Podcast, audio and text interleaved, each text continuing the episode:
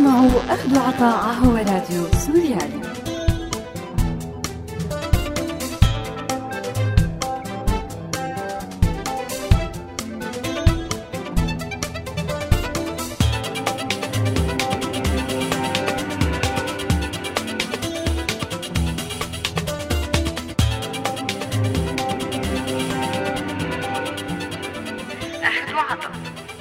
أعزائي المستمعين أهلا وسهلا فيكم. رحب فيكم أنا مايا بحلقة جديدة من برنامج أخذ وعطاء وبذكركم أنه هذا البرنامج بالتعاون مع مبادرة كلنا مواطنون.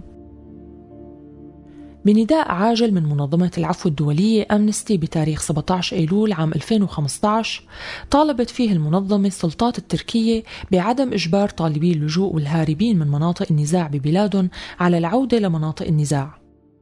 اجا هذا النداء بعد شهادات من أشخاص كانوا بقلب حادثة تعرض لمركب بضم 250 لاجئ سوري وعراقي كانوا طالعين من الشواطئ التركية باتجاه اليونان ضمن مراحل الرحلة الطويلة والصعبة للبلاد الأوروبية. الشهادات أكدت أنه خفر السواحل التركي أطلق النار على المركب مما تسبب بإغراقه وبوفاه 22 راكب كانوا على متنه. قبل ما يتم إرجاع الباقين على قيد الحياة وإجبارهم على الإقامة بمخيم وعدم الإفراج عنهم إلا بشرط وحيد هو تعهدهم بالعودة لبلادهم اللي هربوا منها وعدم توجههم لأوروبا. بعض طالبي اللجوء رجعوا فعلا على سوريا والعراق بعد ما تعرضوا لهي التجربة الرهيبة والبعض بقي بالمخيم. والمؤكد أنه بهي الحادثة وسواء تمت جريمة إطلاق النار على القارب أو لا في انتهاك صارخ وواضح لحقوق اللاجئين الواضحة واللي المفروض أنه القانون الدولي يكفل حمايتها هي الحادثة تلاها بعد وقت قصير مباحثات بين الجانب التركي والأوروبي بخصوص خطة بديلة للاجئين بعد الضغط اللي صار على الدول الأوروبية بعد تدفق اللاجئين بأعداد كبيرة عليها. الخطة البديلة كانت بترمي إلى أنه دولة طرف ثالث تكون جزء من الحل.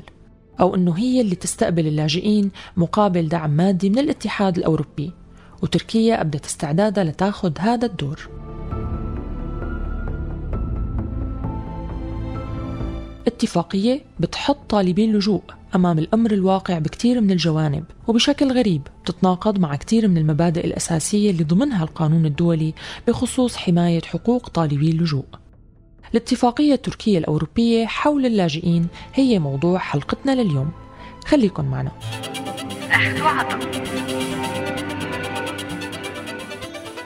أهلا وسهلا فيكم من جديد ومثل العادة خلونا نبلش مع هذا الاستطلاع.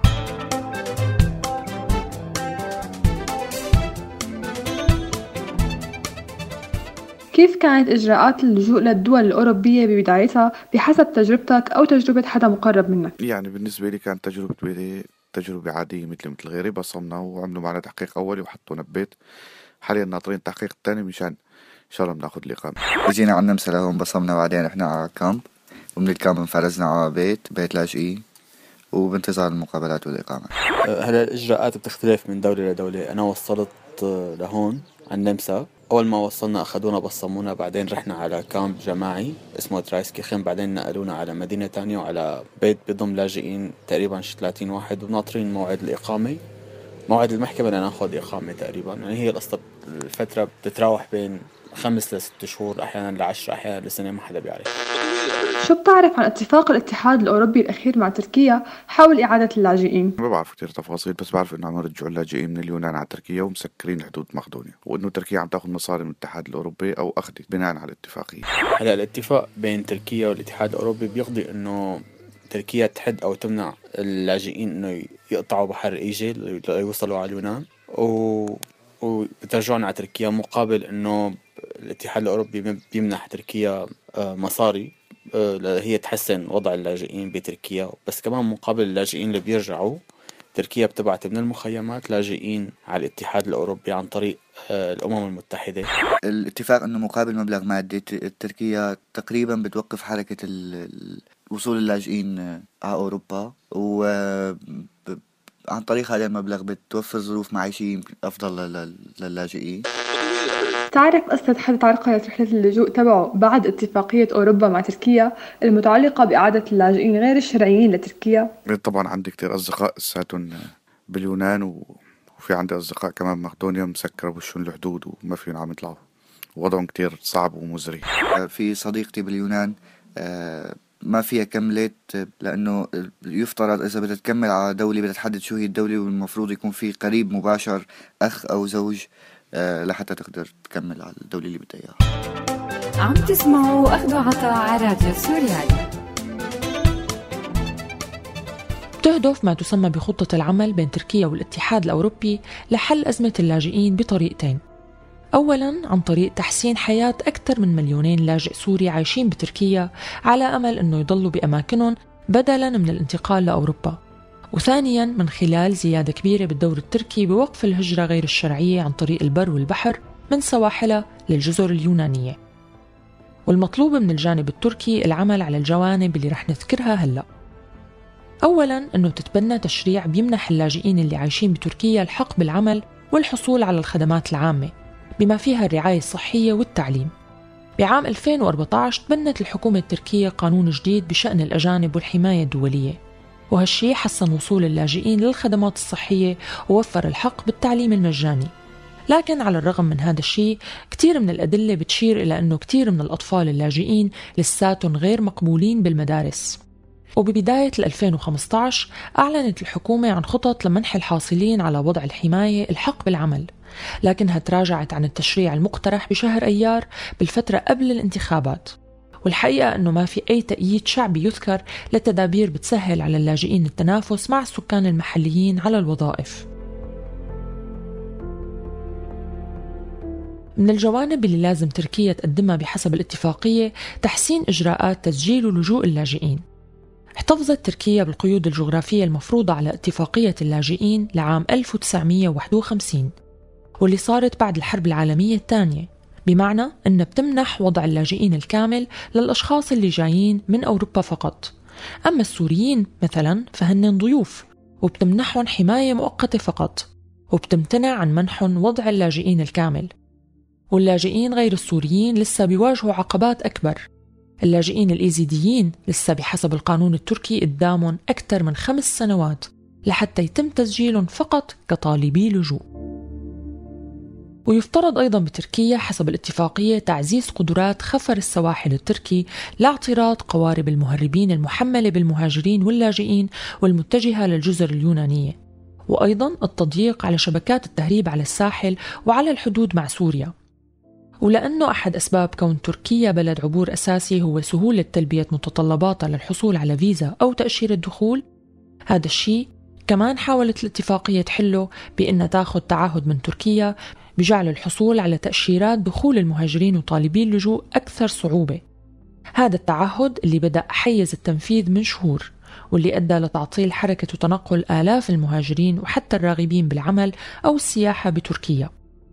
أما النقطة الأخيرة واللي هي أكثر ما يسبب قلق منظمات حقوق الإنسان مثل منظمة العفو وهيومن رايتس ووتش فهي طلب أوروبا من تركيا بالتعهد بقبول المهاجرين غير الشرعيين والمهاجرين اللي لا يعتبروا أنهم بحاجة لحماية دولية اللي بتم إعادتهم بعد اعتراضهم من قبل السلطات اليونانية والبلغارية.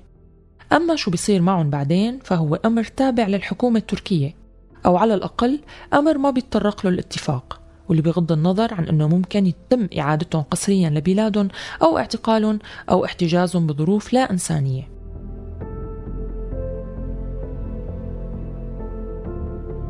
بالمقابل على شو رح تحصل تركيا؟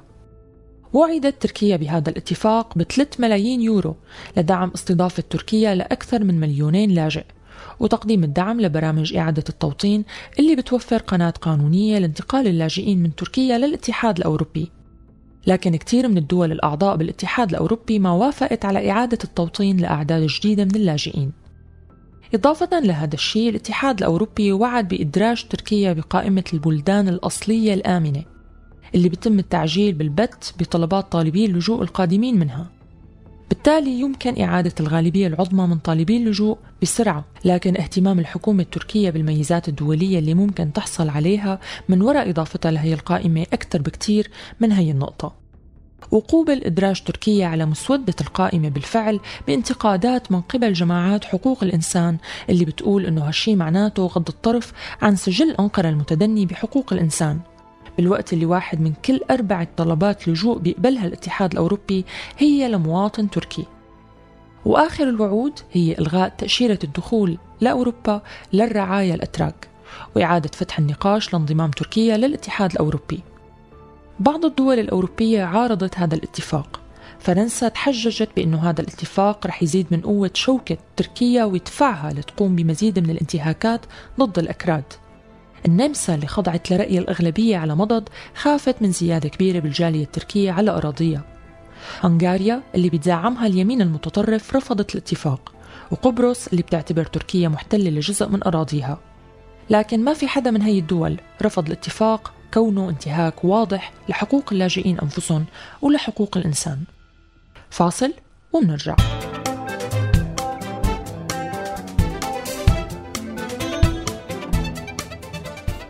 بتعرف عن حقوق اللاجئين وشو بتعرف عن انتهاكات واضحة للاتفاق الأخير لحقوق اللاجئين؟ طبعا من حقوق اللاجئ إنه يعيش في مكان آمن وبشروط صحية آه، يكون عنده حرية التنقل آه، هدول اللي بعرفهم عن حقوق اللاجئ آه، بس كمان إنه أنا بعتقد إنه الاتفاق بين الاتحاد الأوروبي وتركيا أكيد هو خرق هي هي هي الحقوق لأنه ما عاد في عند اللاجئ حرية تنقل وهو صار موجود ضمن مكان معين اللي هو تركيا اللي هي أصلا مو معترفة باللاجئين كلاجئين وما بتطبق اتفاقية الأمم المتحدة لحقوق اللاجئين. ف هلأ هلأ يعني اللاجئين بتركيا ما عندهم الحقوق اللازمة أو الحقوق المتاحة للاجئين.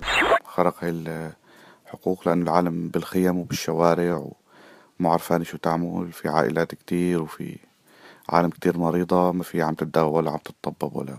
طبعا في عالم أثرت علي كتير قصة آه، هذا القرار. آه، وصلوا على اليونان و... يعني واضطروا إنه يبقوا هناك أو يرجعوا أو إنه يلجأوا لمنظمات هي بتساعدهم إنه يروحوا على الدولة اللي هني بدهم إياها بالاتحاد الأوروبي. بس طبعا ضمن شروط مثلا إنه لازم اللي بده يروح من اليونان لازم يكون عنده قرايب من الدرجة الأولى بأحد الدول اللي بده يروح عليها. آه، وغير هيك فهني لازم يرجعوا على على تركيا ويروحوا على المخيمات. تعرف عن منظمة أو جهة عم بتحاول تحمي اللاجئين من عواقب إعادتهم لتركيا؟ بسمع إنه الصليب الأحمر مهتم كتير بهذا الموضوع فقط لا غير. الحقيقة ما عندي معلومات كتير عن منظمات بتساعد اللاجئين بتركيا بهي الوضع إنه من ترجيعهم أو إذا بدهم يروحوا على أوروبا. بس سمعت إنه ممكن الصليب الأحمر بيساعدون ببعض الحالات بس أنا ماني متأكد. عم تسمعوا أخذ عطاء على راديو سوريالي. ب 25 تموز عام 1951 ظهرت الاتفاقية الخاصة بوضع اللاجئين بالأمم المتحدة ووقعت عليها 139 دولة حول العالم. وبتبين الاتفاقية بوضوح مين هو اللاجئ ونوع الحماية القانونية والمساعدات والحقوق الاجتماعية اللي لازم يحصل عليها من الأطراف الوطنية الموقعة على الوثيقة. وأيضا التزامات اللاجئ تجاه الحكومات المضيفة. كمان بتحدد بعض الفئات المعينة من الأشخاص مثل الإرهابيين غير المؤهلين للحصول على صفة لاجئ. وكان الصك الأول مقتصر على توفير الحماية بصفة أساسية للاجئين الأوروبيين بعد الحرب العالمية الثانية. لكن مجموعة من البروتوكولات الإضافية المتتالية وسعت بدرجة كبيرة نطاق الاتفاقية بعد ما انتشرت مشكلة النزوح بمختلف أرجاء العالم. بتعرف المادة الأولى من الاتفاقية بوضوح مين هو اللاجئ؟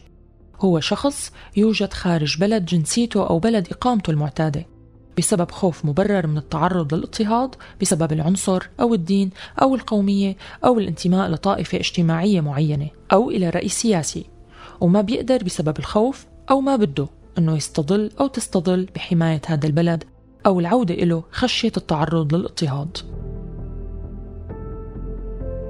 بتقوم الحكومة بإنفاذ قوانين البلد عادة والعمل على حماية مواطنيها. ولما بتكون الحكومات عاجزة أو غير مستعدة للقيام بهالشيء بأحيان كثيرة أثناء صراع أو حرب أهلية بيهربوا أشخاص كتار من أوطانهم وبأغلب الأحيان لبلد آخر وبيتم تصنيفهم كلاجئين. ونظرا لأنهم ما عادوا بيتمتعوا بحماية حكوماتهم المجتمع الدولي بيقوم بهذا الدور. ومسؤولية الحكومات المضيفة بتتمثل بصفة أساسية بحماية اللاجئين. وبتعتبر البلدان ال 139 على نطاق العالم اللي وقعت على اتفاقية عام 1951 ملزمة بتنفيذ أحكامها. وبتحتفظ المفوضية السامية لشؤون اللاجئين بالتزام رقابي على العملية. وبتتدخل حسب الاقتضاء لضمان منح اللاجئين الصادقين اللجوء وعدم إرغامهم على العودة لبلدان بيخشى أنه تتعرض فيها حياتهم للخطر. أو ما يعرف قانونيا بحظر الطرد من الدول المضيفة لهي البلدان اللي بتعرضهم للخطر. ويفترض بالمفوضية مساعدة اللاجئين على بدء حياتهم من جديد. إما من خلال العودة الطوعية لأوطانهم أو في حال استحالة هذا الشيء من خلال إعادة توطينهم بدول مضيفة أو بلدان ثالثة أخرى. وتعتبر جميع الدول بما فيها الدول اللي ما وقعت على الاتفاقية ملزمة بالتمسك بمعايير الحماية الأساسية اللي تعتبر جزء من القانون الدولي العام. على سبيل المثال تمنع إعادة أي لاجئ إلى أراضي بتتعرض فيها حياته أو حياتها حريته أو حريتها للتهديد. لما دول كبرى توقع على اتفاق بتضرب فيه بعرض الحائط مبادئ أساسية وبديهية بتخص حقوق الإنسان ناهيك عن الحقوق المتعلقة بوضع اللاجئين. بصير من المهم نتساءل شو هو الوضع القانوني لهي الاتفاقيات والمنظمات والوكالات والمفوضيات اللي يفترض أنها تقوم بحماية الناس؟ وشو هي قدراتها؟ ووين حدودها؟ ولأي درجة ممكن أنه نعتبر أنه المؤسسات الدولية همش دورها وأصبحت بلا أي تأثير؟ شو يلي ممكن يحمي الناس؟ سؤال طرحه بسنين ماضية طلع بكتير أفكار الصليب الأحمر عصبة الأمم هيئة الأمم المتحدة فهل نحن بحاجة لحركة أو مؤسسة جديدة تقدر أنها تقلب الطاولة على هي الانتهاكات؟ بنهاية حلقتنا أصدقائي أنا بودعكم على أمل أني ألتقي فيكم الأسبوع الجاي بحلقة جديدة من أخذ وعطاء لا تنسوا تتابعونا على موقعنا سوريالي dot com وارشيفنا دائما بتلاقوه على الساوند كلاود وولفوا علينا اف ام من هون للأسبوع القادم كونوا بألف ألف خير. إلى اللقاء.